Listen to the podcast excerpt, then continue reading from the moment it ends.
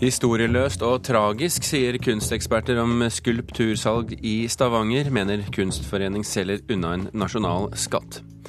Avisene som trykket Snowden-avsløringene, vant verdens gjeveste journalistikkpris i går. Den amerikanske Pulitzer-prisen ble delt ut. Og mens nye generasjoner inntar gamlehjemmene, endres også musikksmaken blant de eldre. ABBA var jo veldig populære når de kom, så jeg likte ABBA veldig godt. Jeg likte også Beatles, jeg. Ja. Ja, du hører på Kulturnytt med Birger Kolsrud Aasund i studio. Salget av en verdifull skulptur i Stavanger vekker nå sterke reaksjoner også utenfor byen. Kunstforeningen selger en Barbara Hepworth-skulptur fra 60-tallet for å få penger til drift av sin nye kunsthall. Og det er både historieløst, trist og tragisk, mener kunsteksperter. Det er galskap å selge Stavangers flotteste skulptur. Stavanger-kunstner og tidligere formann for byens kunstforening, Kjell Par Iversen, er opprørt, og han er ikke alene. Det har vært mange sinte lesebrev og kommentarer i avisene, fordi Kunstforeningen nå vil selge skulpturen 'Figure of Landscape' av britiske Barbara Hepworth. Hensikten er å sikre nye utstillinger og vedlikehold av den ærverdige bygningen fra 1925, der foreningen nå driver kunsthall. I dag klokka 14 avduket Stavangers varaordfører Tor Vallem Iversen en skulptur. Dagsrevyen rapporterte da den 2,6 meter høye bronseskulpturen ble avduket på plenen utenfor Kunstforeningen på Madlaveien i november 1968. Og Norge har i dag fått sin første Barbara Hepworth-skulptur. Nå reiser kritiske røster seg mot salget også utenfor byen. Nei, jeg syns det er helt forferdelig. De må ikke selge den skulpturen. Den er jo helt fantastisk. Nei, Jeg syns det er noe historieløst Barbara Hepworth er jo en av de store kvinnelige skulptørene, og det er ikke veldig mange. Hun er en av de absolutt største. Både professor i kunsthistorie ved Universitetet i Oslo, Øyvind Storm Bjerke, og tidligere direktør for Henny Onsdag kunstsenter, Karin Hellandsjø, beklager sterkt at skulpturen nå kan havne i utlandet. Jeg vet jo ikke hva de regner med å få for den, men eh, penger er penger, og det kan kanskje bli en to-tre utstillinger, og så er det brukt opp, og skulpturen er vekk. Det syns jeg ville være tragisk. Ja, Det syns jeg er en veldig dårlig idé. Eh, fordi den skulpturen er så knyttet til bygget. Og det er en stor kulturell kapital som de da på en måte gir avkall på. Vi trenger de pengene nå for å kunne drive forsvarlig videre. Det sier styremedlem i Stavanger kunstforening, Undi Agnete Torstensen. Det er jo fordi at vi brenner for kunsthallen at vi ser oss nødt til å gjøre dette.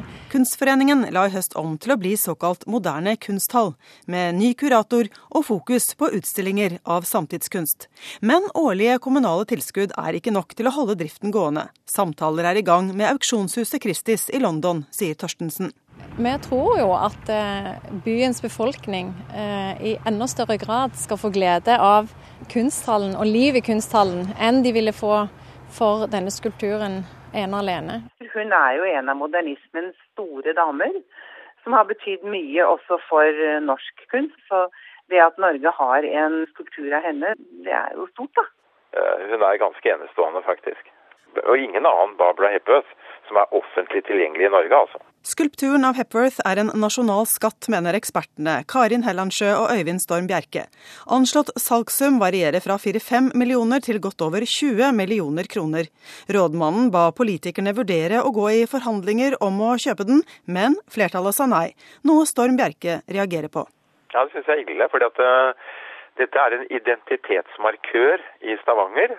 Og den hører hjemme der og bør være der, og det er en politisk sak. For dette går også på byutvikling.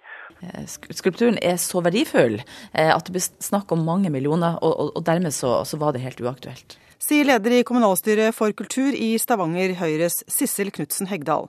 Men det er klart at hvis det kommer aktører fra næringslivet, og at man får et opplegg på bordet som viser at her er et bredt spleiselag, så har vi sagt at vi vil se på det på nytt. Den kan ende hvor som helst den da. Det er mange som vil være interessert i noe sånt. Men for all del, ikke gjør det. ja, det sa kunsthistoriker Karin Hellandsjø. Reporter her var Anette Johansen Espeland. Kulturkommentator i NRK Agnes Moxnes, for all del, ikke gjør det, blir det sagt. Er det så enkelt? Ja, det er jo på et nivå så er det jo det. det dette er et valg Stavanger kunsthall har gjort. Det er en prioritering, og da må de stå i den konflikten som de har havnet i nå. Men det ironiske her, det er jo at de som ga denne skulpturen til Stavanger kunstforening i 1968, de har jo til gangs oppnådd det de ønsket med gaven sin.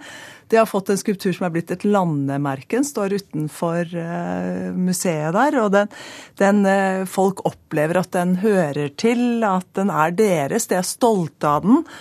De vet i, tillegg at dette er et, en skulptur som det er liksom internasjonal schwung over den. Så den gjør Stavanger by og området i tillegg mer interessant. Men, men, er det ikke vanlig at museer og gallerier og foreninger og kunsthaller forvalter samlingen sin, og så selger de noe for å kjøpe noe annet, og så har de til enhver tid trimmet den til publikums beste? Ja da, absolutt. Og, men, det, men, det, som er sjelden, er at et, en, en, samling selger unna det mest verdifulle de har, uten at de er i en desperat økonomisk eh, situasjon.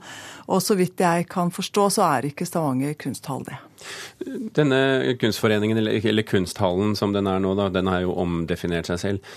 Eh, og det har de jo angivelig gjort for å gi publikum et bedre tilbud.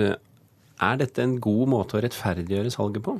Det er jeg ikke så sikker på, men på en annen side så, er, så kan det jo være det. Fordi at eh, det gir selvfølgelig dem som driver kunsthallen, og hvis de driver den på en ambisiøs og svært dyktig måte, så gir det dem større albuerom. Eh, Bl.a. da til å kjøpe inn den kunsten som er den verdifulle kunsten i morgen, altså samtidskunsten som fortsatt er eh, rimelig. Og jeg ser Dagens Næringsliv offentliggjør en, en indeks i dag eh, som, eh, som sier noe om, om, verdiskapning på det globale kunstmarkedet. Og der viser det jo seg bl.a. at hvis man skal eh, velge mellom å kjøpe en aksje eller et samtidskunstverk, så skal man absolutt kjøpe samtidskunst, for den har altså økt med 120% de, de siste 15 årene. Så det er klart at hvis Stavanger kunsthall driver på den måten, så kan de jo fortsette å ha rike verk i samlingen sin. Men Kunstforeningen eller Kunsthallen i Stavanger er jo ikke alene om å selge arvegodset sitt, og, og heller ikke være nødt til å selge arvegodset sitt? Nei, og det, og det, er jo det som er interessant her, fordi at dette er en problemstilling som mange byer i adskillig mer utsatte økonomiske situasjoner enn Stavanger er i, har havnet i. Og en av dem som er aller verst stilt, det er Detroit.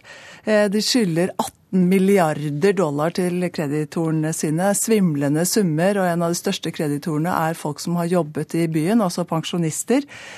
Så, så, der er altså spørsmålet om man skal selge kunsten eh, til eh, høystbydende. Og der kommer altså budene i milliardklassen ramlende inn akkurat nå mens vi eh, snakker. Eller om man skal godta et lavere bud mot at kunsten blir sikret for lokalsamfunnet. Og her snakker vi om skikkelig store dilemmaer. Så problemet i Stavanger begynner plutselig å bli lite i sammenligning. Agnes Moxnes, tusen hjertelig takk for at du kom til Kulturnytt.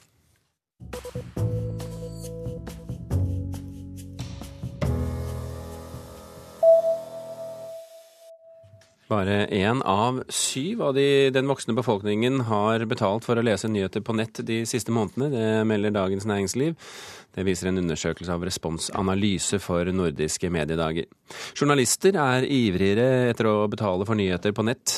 27% av journalistene og halvparten av redaktørene svarer ja på spørsmålet, mot 15% i resten av befolkningen. Michael Jacksons 83 år gamle mor Catherine har gått med på å betale over 800 000 dollar, altså 4,8 millioner kroner omtrent, til konsertarrangøren AEG Live i saksomkostninger etter et feilslått søksmål mot selskapet. Catherine Jackson saksøkte AEG Live i 2010 for å ha ansatt Conrad Murray, legen som ble dømt for uaktsomt drap etter Michael Jacksons død i 2009. Og et eh, stadig økende salg av musikk på vinyl fører til forsinkede plateslipp, melder Dagsavisen. Christer Hansen, label manager i plateselskapet Indie Distribution, bekrefter at det ikke er kapasitet på vinylpressene verden over, og sier til avisen at nyutgivelser av Beatles på vinyl i fjor gjorde at alle andre måtte vente med produksjon av vinylplater. Hansen er distributør for bandet Mayhem også, som eh, måtte utsette sitt neste album fra mai til juni. Thank you.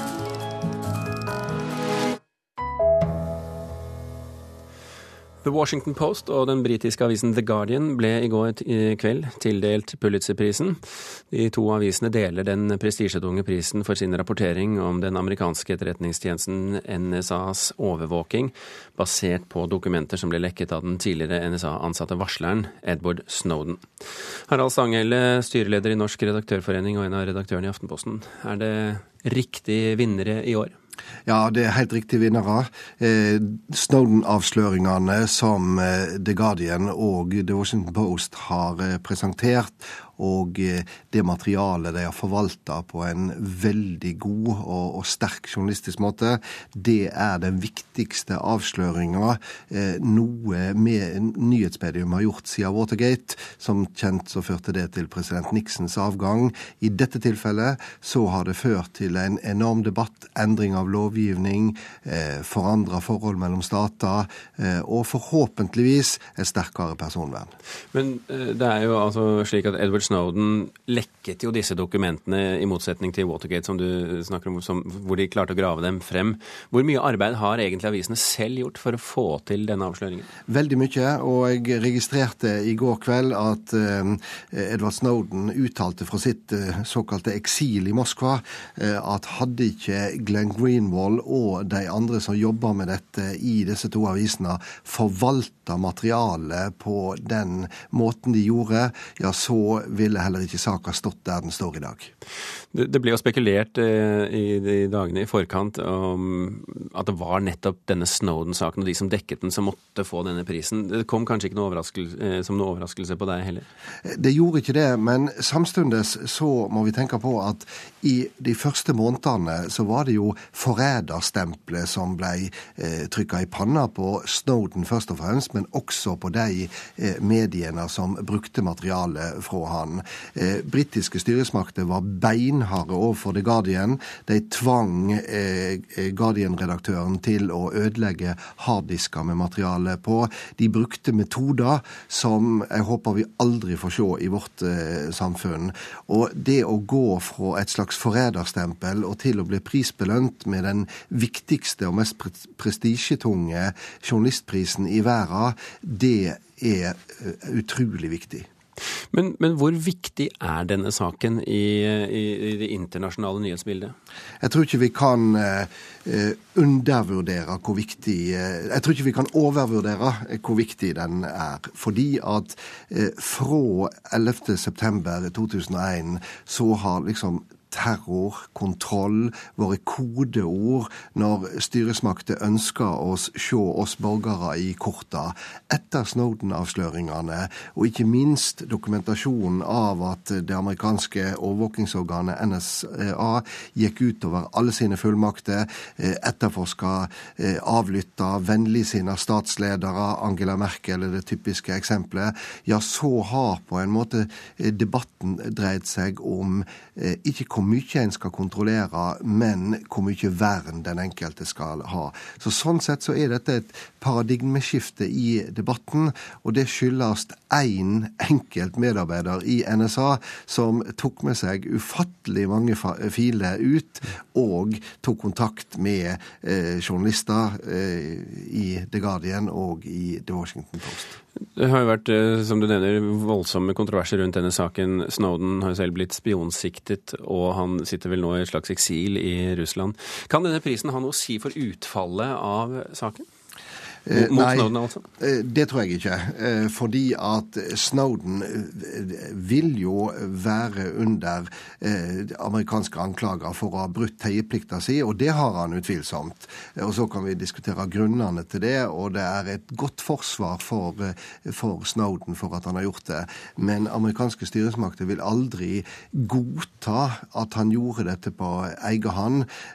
Men det betyr ikke at vi ikke får debatten likevel, og vi kan få lovendringer utfordringer, og vi får et helt annet klima, håper jeg. Journalistikk til laud har det i alle fall vært.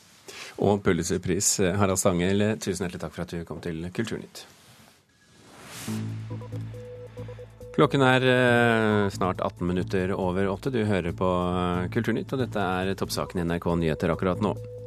Obama ber Putin om å presse prorussiske grupper i Ukraina til å legge ned våpnene. De to presidentene snakket sammen på telefon i går. Nordmenn er for dårlig forberedt hvis strømmen blir borte for lenge, sier myndighetene. Vi blir oppfordret til å lagre mat hjemme. Og letingen etter fire menn i Sunndalsfjellene i Møre og Romsdal er eh, gjenopptatt. De har vært savnet siden i går, da de ikke kom tilbake etter en skitur. Været er eh, svært dårlig i området. Mens nye generasjoner nå inntar gamlehjemmene, endres også musikksmaken blant de eldre der. Det merker mangeårig trekkspillmusiker Kjetil Skaslien. Et av stedene der musikksmaken nå endres, er på Røa eldresenter.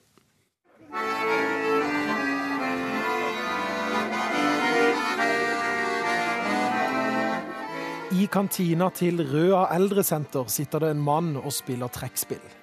Rundt ham vugger rundt 70 pensjonister i takt til Stevie Wonders 'Isn't She Lovely' fra 1976. Tiden er nok inne for å gjøre uh, gamlehjemsprogrammene litt mer uh, moderne, kanskje. Hvis man kan kalle det moderne. Mannen med trekkspillet, musiker Kjetil Skaslien, spiller ofte på ulike gamlehjem og eldresenter rundt omkring i landet. Han mener det er i ferd med å skje noe med pensjonistenes musikkpreferanser. Det erfarer han selv, og han har hørt det samme fra kollegaer i bransjen. Folk blir jo eldre, men yngre. Altså yngre folk blir jo eldre, for å si det slik. Og den, de er jo opp flaska med en eh, type barndomsmusikken sin, og den sitter, henger gjerne i. Og vi får ofte da spørsmål om, uh, om vi ikke spiller nå, la oss si ABBA eller Beatles og i det hele tatt slike ting.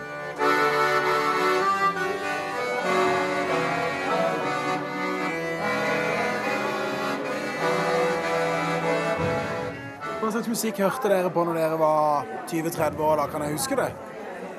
Vi var vel midt i sånn eh, ABBA, Beatles, Elvis og Beatles og ABBA. Det var liksom de tre store. Ja. ABBA jo, var jo veldig populære når de kom, så jeg likte ABBA veldig godt.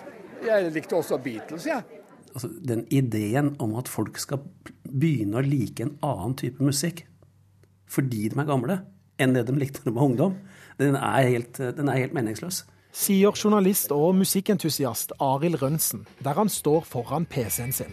Sitter på gamlehjem og hører på det her. Fantastisk. Og på gamlehjem Når jeg kommer dit, vet du, så er ikke gamlehjemma sånn som de er nå. De har blitt litt bedre etter hvert også. Men da skal vi sitte på litt sånn uteterrasse, da, vet du, jeg og kameratene mine. Og så har vi Stones i bakgrunnen. Og så eh, er det ikke sånn at du ikke får lov å kjøpe øl og rødvin på gamlehjemmet.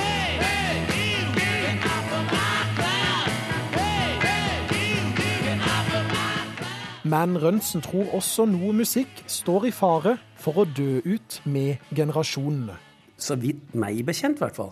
Ungdom som er 30 år yngre i dag, har jo svært lite forhold til Alf Prøysen. Og hvorfor de da skulle begynne å høre på det på gamlehjemmet når de er 70 år, det begriper ikke jeg. Det er noe som skjer nå. Det er noe som kommer til å snu litt. I løpet av 10-15 år så står det sikkert et metallband på scenen, tenker jeg. På gamlehjemmet? På gamlehjemmet. Miley Cyrus og sånn, har du prøvd det på trekkspill? Nei, aldri. jeg har ikke kommet så langt.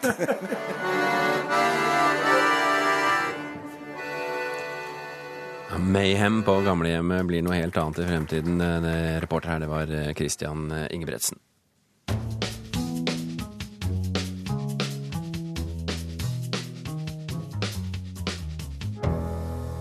Den svenske folkemusikkgruppa Triakel er ute med sin femte plate. Tittelen er Tyra, og det er en eh, velklingende plate ifølge vår anmelder Kjetil Bjørgan. Hør du sparven lilla, får du inte illa Når som vinteren er så streng og kald Triakel i folkemusikkretser en ganske legendarisk gruppe, som har holdt på i 20 år i år. På mange måter danna de gruppa i en tid da mange svenske folkemusikere lot seg friste av nye uttrykk, f.eks. Garmarna. Et folkrockband som har fenga mange med sine energiske eksperimenteringer. Hovenroven er et annet band som har gjort rock'n'roll av svensk folkemusikk. Vokalist Emma Herdelin, som var med i Garmarna siden begynnelsen av 1990-tallet, og Hovendrovens felespiller Kjell Erik Eriksson, utgjør sammen med Janne Strømseth på trøorgel Triakel. Mer usminka enn mange andre, likevel nyskapende. Triakel med sin lavmælte musikk og repertoar som strekker seg fra revynummeret til salmer og gamle og nyskrevne viser. Ja, vet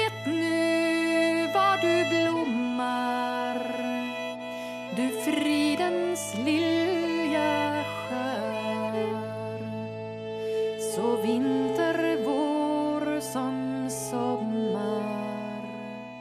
Materialet denne gangen er etter Tyra Karlsson fra Jämtland, som døde i 2001, nesten 90 år gammel, med en drøm om å synge inn sine tradisjonelle sanger på plate, men som det dessverre aldri ble noe av i hennes egen levetid. Men nå er de ute. Og jeg har hørt enkelte kritiske røster i Sverige si at Triakel i for stor grad omformer materialet hennes for å tilpasse visene trioens signatur. Nu sjunger jag min visa och den skall vara fin Mor kallar mig Gredisa for segerpick Det fins også et bonusspor på plata med Tyra Karlsson som viser at det er en del forskjell på uttrykkene, men jeg tenker at noe annet ville vært unaturlig. Triakel velger å holde på mye av sitt opprinnelige uttrykk. Også denne gangen får trøorgelet til Strømseth musikken til å vugge lekent fra side til side. Kjell Erik Eriksson har en alderdommelig spillestil med fine personlige detaljer og varm tone i instrumentet. Og Emma Herdelin bærer historiene fram, naturlig, med noen sjarmerende, rullende r-er. Jeg går i tusen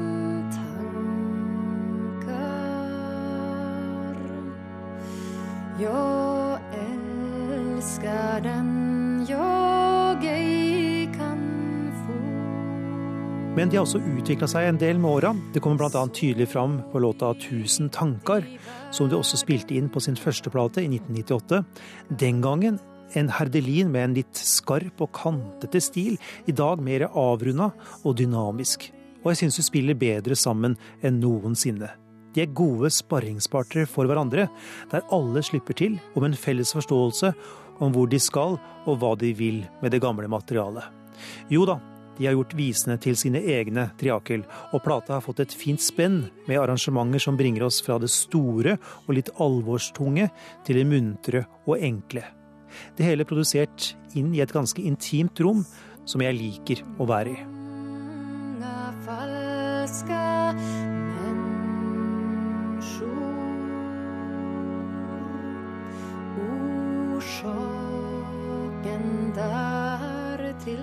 Triakels nye plate anmeldt av eh, Kjetil Bjørgan. Norges husflidslag går eh, nå nye veier for å spre kunnskap om gamle tradisjoner. Rett over påske lanserer de en kampanje der folk kan dele bilder av seg selv i bunaden sin på Instagram og Facebook.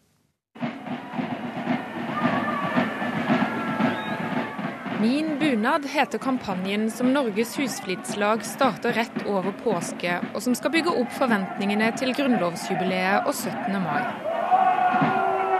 Husflidslaget ønsker at folk tar bilder av seg sjøl i bunaden sin, og deler det på Instagram og Facebook med emneknaggen 'Min bunad', sammen med noen ord om hvorfor bunaden er spesiell for de, forklarer Jorid Martinsen i Norges husflidslag. Det vi vil, er jo det å skape litt oppmerksomhet omkring den, det mangfoldet som er i den norske bunadstradisjonen. Å bruke sosiale medier er da en fin måte å på en måte få vist fram et plagg som da veldig mange er stolt av å eie også. Akkurat det å ta bilde av seg selv, da, som vi vil at folk skal gjøre, det er jo veldig populært. Eh, Og vi tenker at bunad er også et såpass eh, estetisk uttrykk at det egner seg jo veldig godt til å, til å ta bilde av også, og dele bilder av, da. Det finnes 2,5 millioner bunader og folkedrakter i norske hjem. Jeg søkte for en liten stund opp hvor mange bunadbilder det ligger på Instagram, da med emneknaggen bunad, og det var vel oppe i 60 000. Så jeg tror at potensialet her for å få folk til å, å dele bilder av seg sjøl eh, på sosiale medier, det er ganske stort. På Husfliden i Arendal og andre steder i landet er de inne i den absolutt travleste tida på året. I fjor så tror jeg fem på fem 16. mai så sydde vi det siste stinget, eller så var det fem over fem. Og eh, jeg tror kanskje vi nærmer oss halv seks 16. mai i dag, eller i år. Daglig leder Berit Lindahl synes ideen om å dele bunadbilder i sosiale medier er god. Først og fremst er det veldig gøy at de er stolte og vil vise seg fram. Det betyr jo at de, det, det plagget betyr noe helt spesielt og ekstra for dem. Eh, og sosiale medier er jo det beste vi kan ha i forhold til å, å vise fram oss selv. Og det vet vi jo både de unge og i langt større grad de voksne og kanskje de eldre også gjør. Så det er en supergod idé. Det er det. I tillegg til at folk får vist seg fram i et plagg de er stolte av, vil Norges Husflidslag dele kunnskap om bunaden som blir vist fram på Instagram og Facebook. Fortell litt om bunadtilvirking, fortelle om eh, lokale varianter og tradisjoner. altså sånn Komme med, komme med kunnskap da, og få folk til å sette det de har bidratt med inn i en kontekst. Jorid Martensen sier det er første gang Norges Husflidslag setter i gang en stor kampanje på sosiale medier. Vi driver jo liksom med, en, med en opptrapping her, vi også. Um, og vi ser jo det at vi har jo en um, Innenfor husflidsfaget da, så er det ofte en litt høy aldersgruppe som kanskje er de mest aktive. Men samtidig så ser vi jo at husflid og håndarbeid er jo veldig i vinden. Eh, så vi ser et potensial her da, til å nå fram til flere hvis vi er litt mer til stede på sosiale medier også. Hun håper mange vil dele bilder av seg sjøl i praktplagget sitt. Men jeg ser nok at det er flest jenter. Og det er nok gjerne de som er heller de som er yngre enn, de som, enn de som er eldre, da, som kommer til å bidra, ser jeg for meg. Folk er veldig glad i å vise seg fram når de går med noe som er pent. Sier Berit Lindahl i Arendal. Så eh, vi, eh, vi, benytter oss og gleder oss over det. Og så kan de andre få lov som legger bildene sine ut, de kan få lov å glede seg over å få mange likes. Så det er veldig bra. Mm. Reporter i Arendal, det var Miriam Grov. Kulturnytt er nå slutt. Frode Thorshaug, Espen Alnes og Birger Kålsrud Aasund takker for følget så langt.